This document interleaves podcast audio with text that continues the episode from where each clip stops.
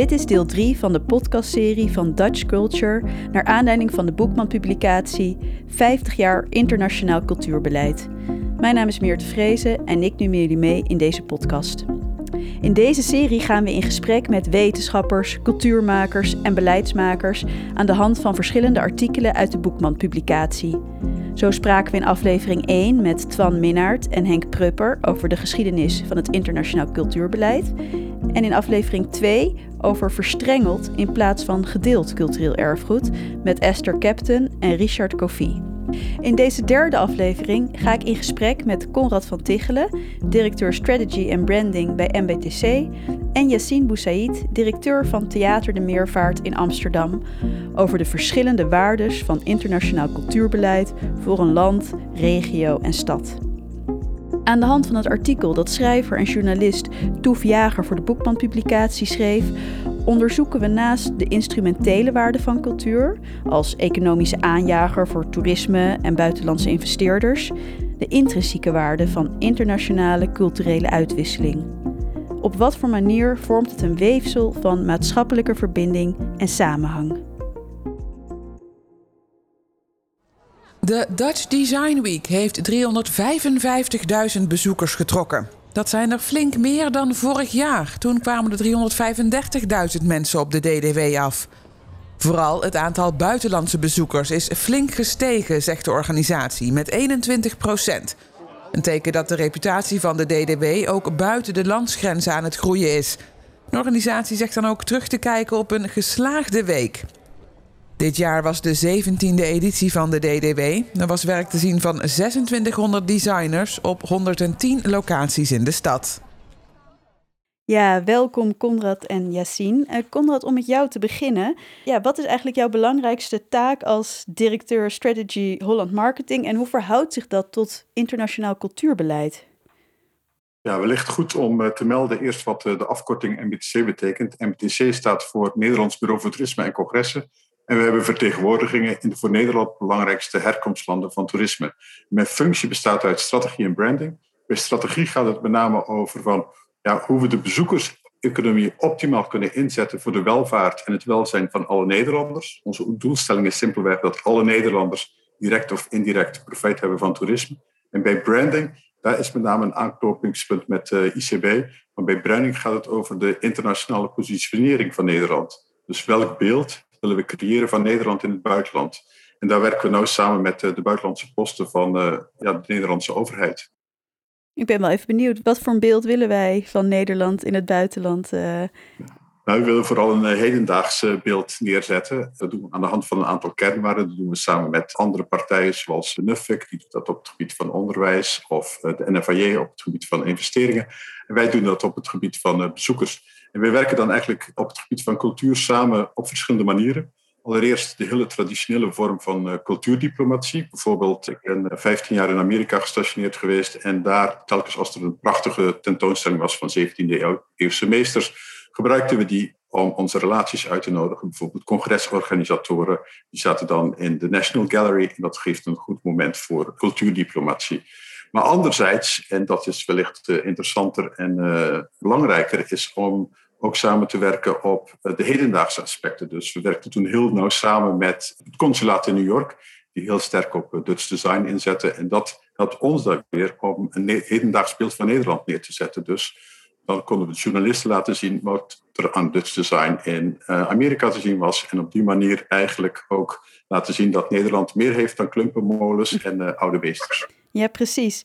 Als we het hebben over kunst en cultuur als aanjager voor economische groei, is dit denken dan inmiddels zeg maar in heel Nederland omarmd, ook op het niveau van gemeente, of is dit nog steeds iets wat vooral erg in de steden leeft? Nou, ik zou zeggen in bijna heel Nederland. Uh, we hebben de afgelopen jaren een aantal grote themajaren gehad. Bijvoorbeeld Hieronymus Bos in 2016 in Den Bosch, maar ook Van Gogh met het uh, erfgoed in Brabant. En in 2017 hadden we het thema rondom 100 jaar de stijl van Mondriaan tot Dutch Design. En daar deden ook kleinere steden aan mee, bijvoorbeeld Drachten, Winterswijk en niet alleen de grote steden. En dan zie je dat ook juist de kleinere steden zien dat cultuur een belangrijke trekker kan zijn om andere bezoekers uh, aan te trekken, die weer een impuls geven aan uh, de stad of regio. Ja, En wordt dan een investering in cultuur ook gezien als een waardevolle investering op die manier? Ja, op zich wel. Zeker bij die themajaren. Bijvoorbeeld in Drachten werd geïnvesteerd. Dat is erfgoed van Van Doesburg. Dat werd gerestaureerd. En dat is een investering, maar dan wil je natuurlijk ook uiteindelijk bezoekers aantrekken. Dus dit totaalplan gaf dus eigenlijk dat er eh, bezoek kwam dankzij cultuur naar Drachten. En dat merkten ze in de lokale horeca, in de lokale winkels. Dus het is meer dan alleen die besteding in het museum zelf. Yes, Yassine, jij bent nu directeur van de Meervaart, maar lang daarvoor uh, deed je ook, uh, was je cultuur, cultureel ondernemer, zal ik het zo noemen, in Amsterdam. Ja, jij hebt de effecten op een stad als Amsterdam van internationaal cultuurbeleid van heel dichtbij meegemaakt. Zou je dat als louter positief bestempelen? Ja, ja zeker. Ik zeg wel eens dat de afstanden tussen uh, Amsterdam en Maastricht ja, groter zijn dan tussen Amsterdam en Barcelona bijvoorbeeld. Mm -hmm. Ondanks taalverschillen. Maastricht is trouwens gewoon een prachtige stad in Nederland hoor, laten we dat vooropstellen.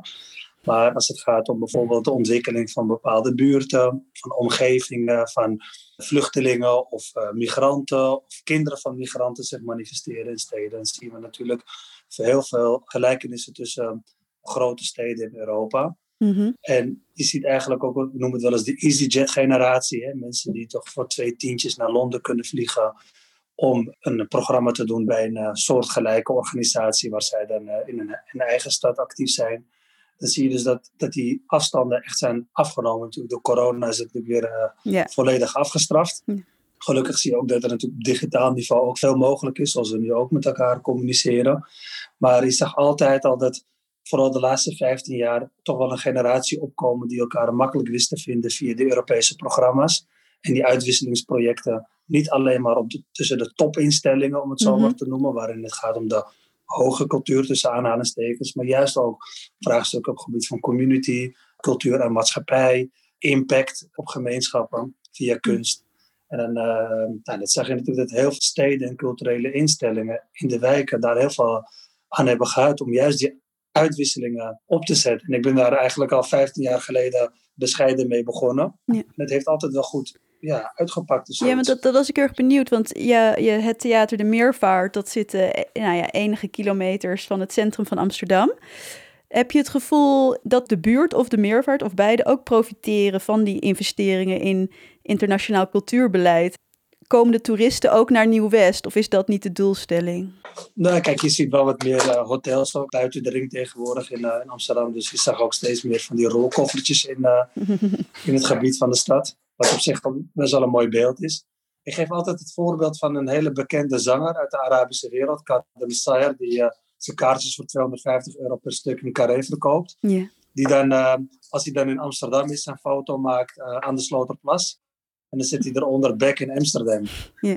Volgens mij heeft hij het gevoel dat hij dan een soort van Como meer staat of wat dan ook. en voor ons is dat een beetje het randgebied van Amsterdam. En waar gaat het over? Maar het is ook weer interessant om te zien hoe iemand uit het buitenland, en dit gaat dan om een hele bekende persoon uit een, uit een hele grote regio, hè, van Tanger tot aan Bagdad, yeah. die dan eigenlijk dat deel van Amsterdam op de kaart zet door gewoon te zeggen, hey, ik vind het hier te gek, misschien eet hij hier een broodje met zijn vrienden. Ik weet het niet, of heeft hij misschien wel familie wonen hier. Maar dat vind ik wel interessante ontwikkelingen, zeg maar. Dus je denkt van, we hebben eigenlijk de stad verkeerd geframed. De stad is veel groter dan we denken. Ja. En dat wordt door de buitenlanders juist uh, geëtaleerd. Ja, die vinden natuurlijk Nieuw-West ook helemaal niet ver van het centrum. Nee. Om je vraag te beantwoorden over de meervaart. We, we hebben heel vaak gewoon concerten van, uh, van een van de Ierse song, singer-songwriter. Die gewoon goedkoper is om te consumeren in Amsterdam dan in Londen voor de Ierse gemeenschap in Ierland. Ja, ja. Die zeggen, vliegen makkelijker naar uh, Amsterdam, pakken in zeven minuten de trein van Schiphol naar Lelylaan, two stops uh, to, to Osdorp. Wow. En dan komen ze hier genieten en dan pakken ze er nog een nachtje bij en vliegen ze terug. Het is voor hen veel goedkoper dan Londen. Zo, zo had ik het echt nog nooit bekeken. Ja. Is het vooral jouw doel om um, nou ja, internationale artiesten naar de meervaart te trekken of om te presenteren aan een nou ja, Amsterdams-Nederlands publiek? Of heb je ook echt als doelstelling om een internationaal publiek naar de meervaart te trekken? Allebei, want we hebben ook heel veel uh, programma's waarin we de expert community bijvoorbeeld heel erg betrekken. Dat zie je bijvoorbeeld bij bepaalde internationale artiesten die toch wel een soort lokaal, een beetje, beetje, beetje local heroes zijn. Dus vooral voor de expert community uit een bepaald land heel interessant is. Wat ik nog veel spannender vind, is dat als je die dan ook kan koppelen aan het Nederlands publiek, die dan eigenlijk ook op een soort ontdekkingstocht gaan. Ik van, oh, te gek dat zo iemand heel groot is in zijn regio. En zijn mensen die in Nederland wonen kennelijk ook naar het theater komen om, uh, om te genieten van een show. En tegelijkertijd weet je dan ook de, het, het, laten we zeggen, het Nederlands publiek, wat gewoon in Nederland woont, ook te betrekken. Dus ik, ik zie daar wel hele mooie kansen in. Wat ik misschien ook wel wil toevoegen, het gaat niet alleen maar om koppeling met publiek, maar het gaat ook om koppeling tussen de internationale artiest met nationale makers in Nederland. Want dat is eigenlijk de fun. Dat je dus ook een muzikant of een, uh, een zanger of een choreograaf uitnodigt om juist met makers uit Nederland aan de slag te gaan. Ja, dus die uitwisseling tussen makers. Nou ja, kijk, we begonnen heel erg met ook de, hè, de economische waarde. Maar internationaal cultuurbeleid heeft natuurlijk ook hele andere waarden. En ik wil even luisteren naar twee stukjes van Leeuwarden 2018 die daar ook dieper op ingaan.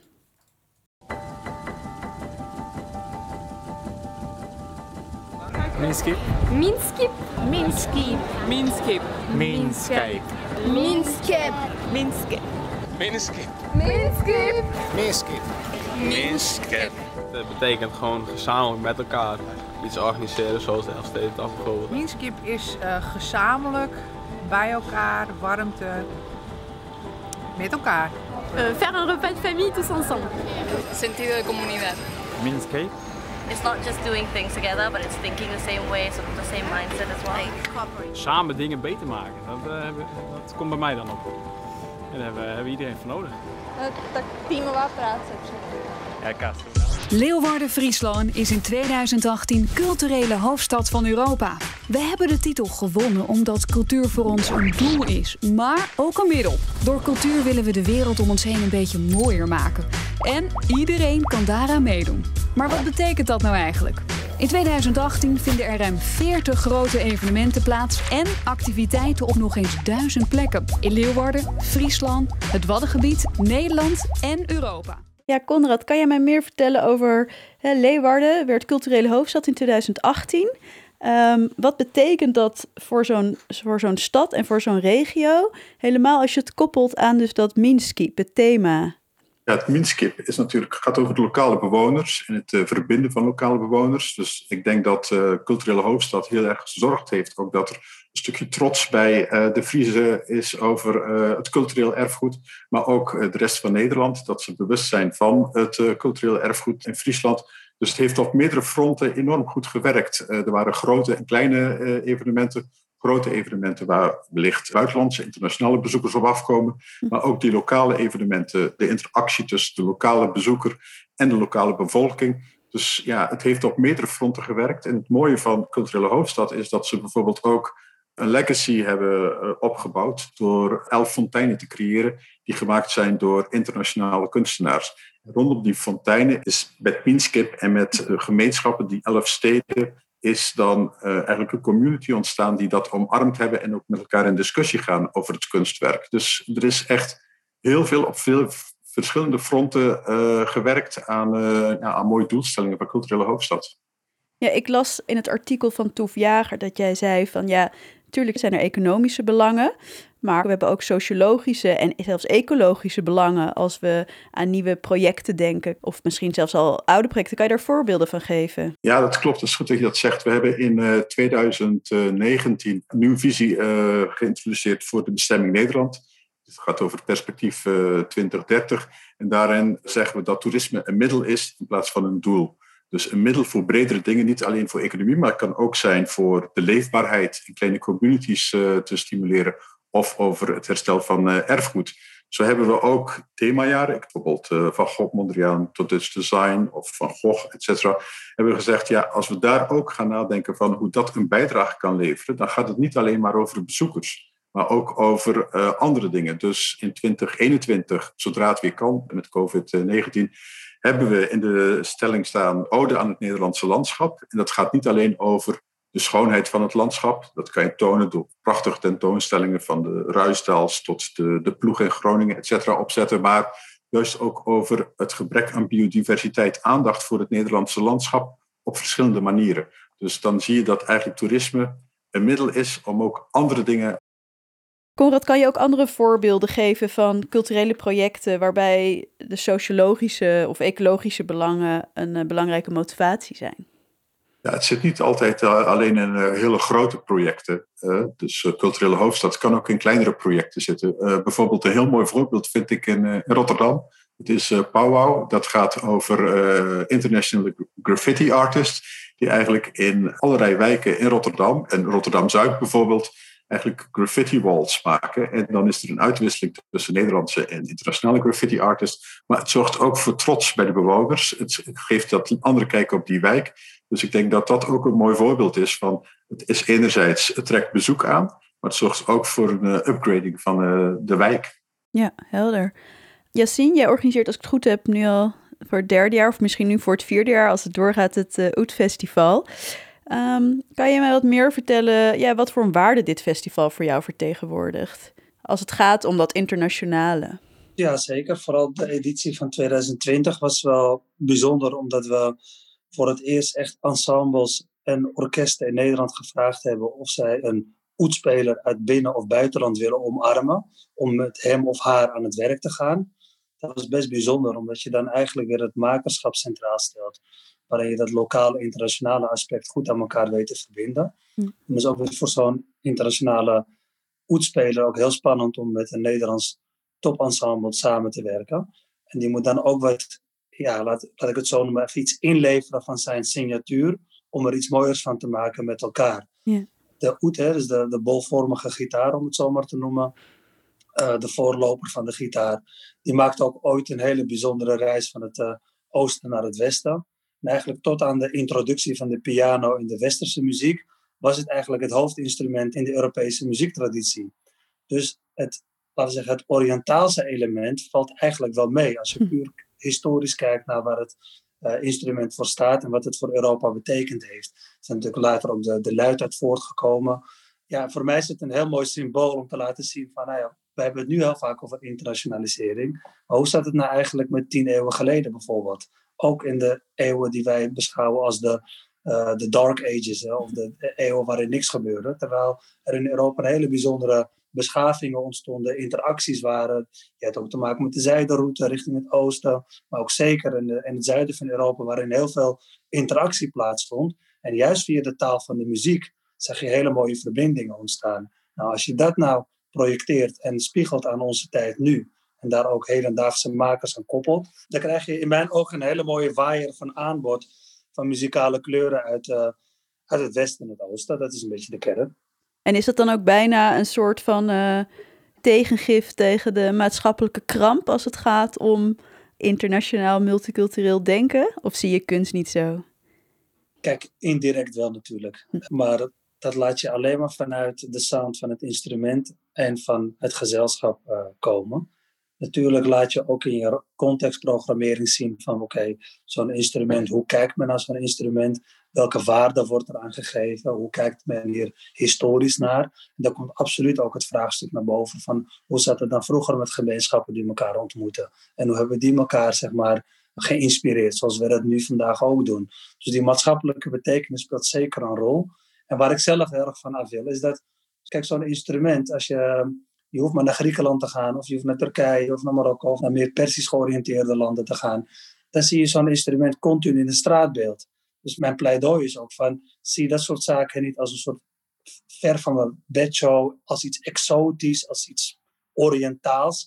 Het is gewoon een onderdeel van de wereld van vandaag. En ook in Nederland lopen er fantastische oetspelers rond die ook al heel lang in Nederland wonen of zelfs in Nederland geboren zijn. Dus ja, hoe mooi is dat als je die werelden aan elkaar kan verbinden en dat je elkaar niet ziet als een soort exotisch wezen, maar gewoon als een, als een onderdeel van, van, van Nederland. Ja. Ja, en je, werd natuurlijk al kort genoemd, van je, je, je vertelde over al die uitwisselingen. Maar ja, dat gaat momenteel wat uh, lastiger als we het hebben over de coronacrisis. Conrad, wat zijn nou vanuit jouw vakgebied eigenlijk nu al de belangrijkste lessen van die coronacrisis? Soms uh, besef je pas hoe iets, belangrijk iets is als je het niet meer hebt. En dat merken we nu dus onder andere met de cultuur. Je ziet dat iedereen snakt naar uh, cultuur en weer wil genieten van cultuur. En dus cultuur blijft een belangrijke trekker. Maar wat je ook ziet is dat een les van de, de coronacrisis is dat we gaan zoeken naar om andere manieren het publiek te bereiken. En een paar mooie voorbeelden. We hebben bijvoorbeeld met het, het Mauritshuis in Den Haag hebben we virtuele rondleidingen gedaan voor, uh, Chinese, voor de Chinese markt. Oh, en dan op zo'n rondleiding deden dan 42.000 Chinese bezoekers mee. Nou, 42.000 bezoekers in het Mauritshuis is een uitdaging. 42.000 bezoekers, het is natuurlijk niet dezelfde ervaring.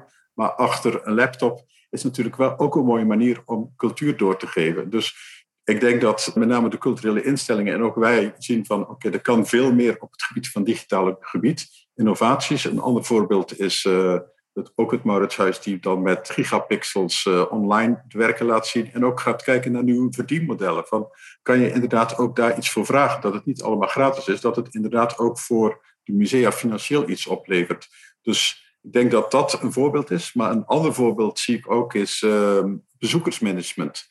Dus we moesten, toen we eigenlijk in die periode zaten dat we weer even naar de musea mochten, moesten we allemaal een blok reserveren. En dat deden we in het verleden eigenlijk alleen tijdens blockbusters. En kleinere musea deden dat niet. Maar dat zie je dat dit, als we dit vasthouden, dat je ook bezoekers kan sturen en kan motiveren om op andere tijden die misschien minder aantrekkelijk zijn, het museum te bezoeken. Dus je kan ook heel efficiënter omgaan met je beschikbare capaciteit. Dus dat is ook iets, denk ik, wat we moeten vasthouden. Het bezoekersmanagement voor ook kleinere instellingen. Grotere instellingen deden het al, maar juist voor kleinere instellingen. Ja, Conrad, toen je dat net zo zei, ik weet dat er, en of dat nou terecht is of niet, dat er in Amsterdam een soort zucht van verlichting ging toen eindelijk hè, de toeristen wegbleven.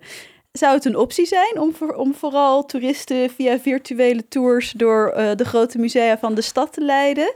Of zou dat een heel dom idee zijn? Nou, kijk, als je kijkt wat voor een uh, impuls, kom ik toch weer op die economische impuls uh, die die internationale bezoekersstromen geven. Ja, ik kan een simpele berekening maken. In 2019 had het Rijksmuseum ongeveer 1,7 miljoen internationale bezoekers. Dat zijn bezoekers die geen museumkaart hebben of een CEP. Dus dat zijn bezoekers die 20 euro betalen voor een kaartje.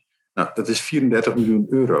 Ja. Dat, dat mis je. En, het is, en ik wil het eigenlijk breder trekken, want het gaat niet alleen om dat kaartje, maar het gaat ook over de bestedingen in de hotels, in de restaurants. We hebben zo'n fantastische horeca, ook omdat daar uh, internationale bezoekers uh, gebruik van maken. Dus dat zie je bijvoorbeeld bij de resultaten van zo'n Mondriaan-jaar. De Nederlandse bezoeker besteedt gemiddeld 75 euro.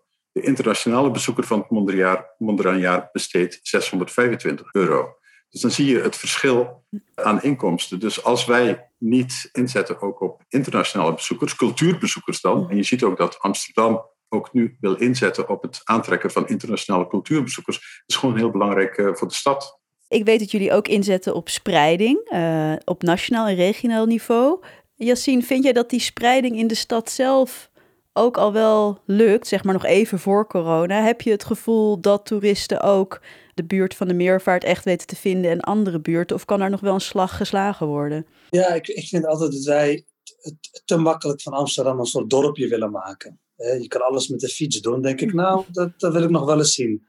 Of jij aan de rand van, uh, van Westpoort eventjes naar de Gaasperplas kan fietsen. Dat, dat, dat red je niet. Hm. Wat ik daarmee wil zeggen is, van, er is genoeg potentie in deze stad om die spreiding een plek te geven.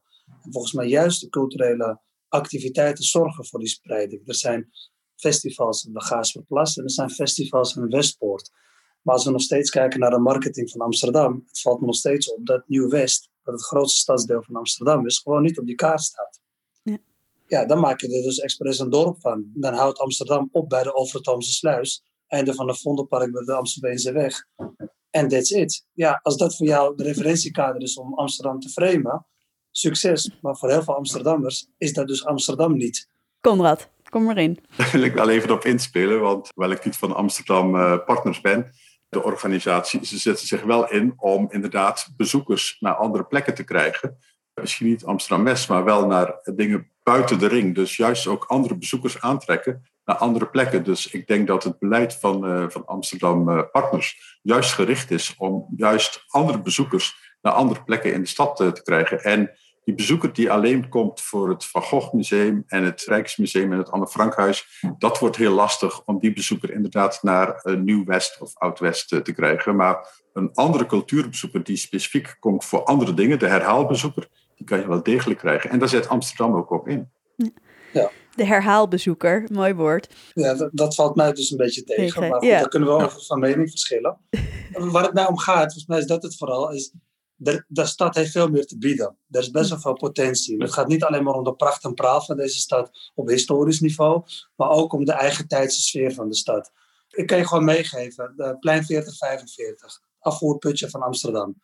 Dat is voor honderdduizenden Nederlanders de place to be elk weekend om een Turks gebakje te eten en uh, thee te drinken in de avond laat. Omdat het bij de cultuur hoort van veel mensen met een mediterrane achtergrond, CQ islamitische achtergrond. Dat staat in geen enkel boekje over de stad. Daar komen mensen zelfs uit Duitsland en uit België naartoe rijden om daar in de avond aan de shisha lekker te flaneren, naar elkaar te kijken. Wat we wel horen is dat er geluidsoverlast is bijvoorbeeld. Maar dat geldt natuurlijk ook voor het Westerpark bijvoorbeeld. Of voor uh, andere delen van de stad waar ook veel clusters van mensen bij elkaar komen. Nogmaals, de stad heeft veel meer te bieden dan wat wij eigenlijk willen zien. En Guus Dubbelman, een bekende fotograaf, zegt eigenlijk... je moet het onzichtbare zichtbaar maken. Dat is de kern. En het onzichtbare, dat wordt helaas gewoon niet zichtbaar gemaakt. En dat, daar ligt gewoon heel veel kans. Mag ik wat vragen? Want aan het begin zei je, ja, we doen ook aan Nederland branding. Hè? En we willen niet alleen de klompen laten zien, maar ook het design. Maar gaat het er dan ook om wat je dus voor een beeld van Nederland naar buiten wil brengen? Hè? Van um, ja, welke culturen ook allemaal tot de Nederlandse cultuur behoren?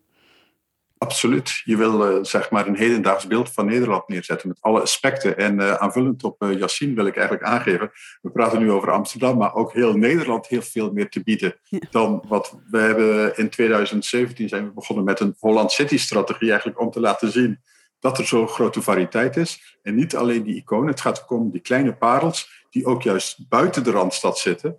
En daar moeten we ook meer aandacht voor geven. Dus wat uh, misschien ervaart op Amsterdams niveau, heb je natuurlijk ook op Nederlands niveau. De Randstad versus uh, de rest van, uh, van Nederland. En ook daar liggen enorme kansen om internationaal bezoek aan te trekken, maar ook door Nederlanders te laten ontdekken. En daar doen we nog te weinig aan. Ik ben het volledig met je eens dat we meer naar dat soort parels moeten zoeken en niet alleen de highlights en die iconen naar voren moeten brengen. Yassine, ik vroeg me nog af, in deze coronacrisis, iedereen is natuurlijk op zoek naar andere vormen, ook binnen internationaal samenwerken. Uh, dat wordt natuurlijk heel veel digitaal gedaan. Wat, wat zijn dingen die jij hebt bedacht waarvan je zegt, nou dit werkte echt fantastisch en dit werkte echt absoluut niet? Uh, ja, ik heb een serie concerten met, uh, met muziekgebouw het eigen gedaan bijvoorbeeld. Dat heette Up Close concerten. En dan ging, kwam het publiek eigenlijk dichter bij de maker. Dat was best bijzonder. Dus we hadden toneel op toneelopstelling gedaan, ja. waardoor het publiek op het toneel zit. Wel met 30 man en anderhalf meter afstand. Maar je ja. kwam eigenlijk dichter bij de artiest. Dat was een hele mooie vorm om, uh, ondanks de restricties, toch nog dichter bij elkaar te komen. Um, dat is een voorbeeld. Uh, we hebben over twee weken, uh, 14 februari, val Valentijnsdag, hebben we de voorstelling Ja van Nasreddin Char, die live gestreamd gaat worden. Uh, heeft al een poging gewaagd en het, met succes in, uh, bij ITA voor zijn nieuwe voorstelling Adem. Je hebt dan een paar keer benadrukt die uitwisseling tussen makers hè, uh, op internationaal gebied. Waarom vind je dat zo belangrijk? Het is al als je iemand tegenkomt die uit een andere wereld komt met een andere taal, met een andere manier van eten, een andere manier van handelen, een andere manier van kijken zelfs.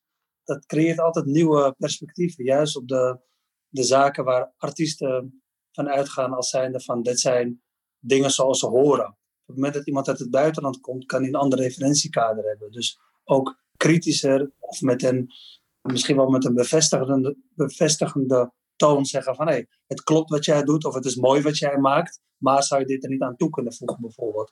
En je merkt dat makers daardoor eigenlijk echt uh, stappen vooruit zetten en ook wel uh, ja, echt letterlijk een horizon weten te verbreden. En als je daarin slaagt als, als theater of als, als cultureel ondernemer, dan is dat mooi om te zien. En helemaal als het publiek dat, dat ervaart. Zo van, nee, te gek. Er zit een soort van meerwaarde in. Dat onze lokale makers een link hebben gemaakt met die internationale artiesten. Soms zie je dat het makerschap beter is geworden. Soms dat het makerschap een nieuw daglicht terecht is gekomen. En vaak ook gewoon, um, je krijgt een soort originele kleur. En dat, dat wordt echt gewaardeerd. Jullie hebben allebei uh, in dit gesprek heel erg dus ook het belang van die internationale uitwisseling en bezoekstromen uh, benadrukt. Ja, toch zie je ook wel in de, in de Nederlandse politiek wat nationalistische tendensen. Ja, zien jullie die ook wat betreft het cultuurbeleid? Is er een, uh, is er een grote of een te grote focus alleen op bijvoorbeeld nationaal erfgoed? Vinden jullie dat de blik te veel naar binnen is of zijn jullie daar bang voor? Het uh, genuanceerder, kijk, uh, het is sowieso goed om je eigen uh, erfgoed te kennen. Maar Nederland is een, sowieso een open economie. En Nederland staat voor handel drijven, uitwisseling met het buitenland. Dus ik denk, als we kijken naar de waarden open, inclusive en inventive die in Nederland naar voren komen, die internationale blik zit er al sowieso in. Dus ik denk wel dat er ook aandacht moet gegeven worden aan die grote variëteit aan internationale aspecten in Nederland. dus de multiculturele aspecten, maar ook de verschillende uh, disciplines. En wat ik al eerder aangaf, van ja, meer aandacht voor ontwikkeling van een hoogwaardig cultureel aanbod in de regio. Dat zou ook aandacht moeten krijgen in het cultuurbeleid. Want dan krijg je inderdaad spreiding van bezoekers, zoals je dat spreiding krijgt in Amsterdam, maar ook in heel Nederland. Dus dat je inderdaad het aanbod van New Dutch, noemen we dat, eh, design bijvoorbeeld, eh, bezoekbaar en beleefbaar sterker maakt in de regio Eindhoven. En zo kan je nog allerlei voorbeelden nemen van hoe zorg je nou dat je hoogwaardig cultureel aanbod gaat ontwikkelen, ook in de regio, zodat die cultuurbezoeker die misschien alleen maar in eerste instantie Amsterdam of eh, de grote culturele instellingen in de Randstad bekend voor ogen heeft, hoe krijg je die nou ook, die bezoeker, die geïnteresseerd is, ook in andere culturele disciplines, hoe krijg je die ook naar andere plekken in Nederland? Ja. En voel je je daarin gesteund vanaf de beleidskant? Uh, ik denk uh, dat het, uh, het, beleid van OCMW steeds meer ook aandacht heeft voor de regio. De financiële steun, dat er inderdaad ook grote culturele instellingen in de regio zijn, dat blijft volgens mij nog enigszins uit. Helder. Yassine, het laatste woord is aan jou. Is de blik te veel naar binnen? Nou, het, het, het, mooie is, is natuurlijk hoe je Nederlanderschap uh, framet. Hè? Ja, je kan ook je voordeel mee doen. Je zegt van, nou goed, mensen die misschien, uh, laten we zeggen, twee generaties geleden uit een, een ander land zaten, met, hè, uh, die maken nu deel uit van, van het Nederlanderschap met de cultuur die zij hier bedrijven. Dus om het even in Jip en Janneke taal uit te leggen. Turks brood, is dat nu per se Turks of is dat nu ook gewoon brood wat bij Nederland hoort? Zoals heb je heel veel verschijnselen die wij als heel normaal zijn gaan beschouwen als onderdeel van ons straatbeeld, wat gewoon bij het Nederlands straatbeeld hoort. Het is niet meer iets van twee jaar geleden, maar het is nu al 20, 25 tot 30 jaar geleden dat het uh, ingezet is. Dus het maakt nu deel uit van ons Nederlands verhaal. Dus je zou eigenlijk die internationale wereld veel beter moeten embedden ja. binnen het Nederlanderschap. Waardoor je eigenlijk een beetje die discussie ontwijkt en tegelijkertijd ook een klein trapje geeft van, ja wacht eens even, maar wat en wie claimt dan wat Nederlanderschap moet zijn dan? Aanvullend op mijn collega, die, die zegt eigenlijk precies hetzelfde. Namelijk, er zijn al een land wat heel erg open staat met een, met een blik naar buiten toe, et cetera. Nou, als we dat dan zijn, en we maken het ook waar, dan ga je het ook terugzien in je straatbeeld. Dus dan krijg je ook die variëteit en die verschillende werelden bij elkaar. En dat is dus Nederland. En dat claimen wij dan als Nederland. Dus we hoeven daar niet zoveel aan te doen. Nee, het is er al. Het is er al. Het is er al. Nou, ik wil jullie danken voor dit uh, leuke en ook zeer interessante gesprek. En ik kijk uit naar uh, alle mooie projecten die um, nou, of nog steeds in COVID er zullen zijn of post-COVID. Veel dank. Hartstikke bedankt. Te gek. Veel succes hè. Dank voor het luisteren naar het derde en laatste deel van de podcastserie 50 jaar internationaal cultuurbeleid. Waarin door mijn beide gasten nog maar eens het economische, maar nog meer het maatschappelijke belang van culturele uitwisseling werd onderstreept. Laten we hopen dat binnen niet al te lange tijd kunst en cultuur weer over de fysieke landsgrenzen mensen kan beroeren en samenbrengen. Dat verstrengeld erfgoed kan helpen om de zwarte bladzijden uit ons verleden om te zetten in toekomstige gelijkwaardige relaties. En dat na 21 maart een nieuwe regering wordt geïnstalleerd die het belang van internationaal cultuurbeleid uitdraagt.